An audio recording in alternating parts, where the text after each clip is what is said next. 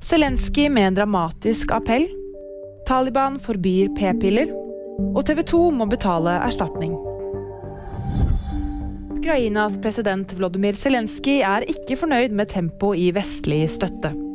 Fredag talte Zelenskyj til verdenslederne på sikkerhetskonferansen i München.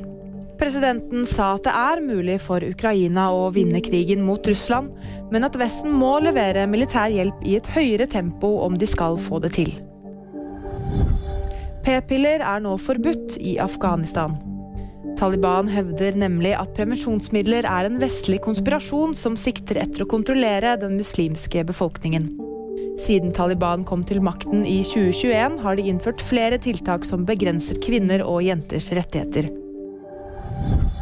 TV 2 er dømt til å betale erstatning til Viaplay. Det er fordi de brukte Premier League-klipp som Viaplay hadde rettighetene til. Kanalen er også dømt til å betale 1,2 millioner kroner i sakskostnader til Viaplay. Det var VG nyheter, og det fikk du av meg, Fride Rivø Lie.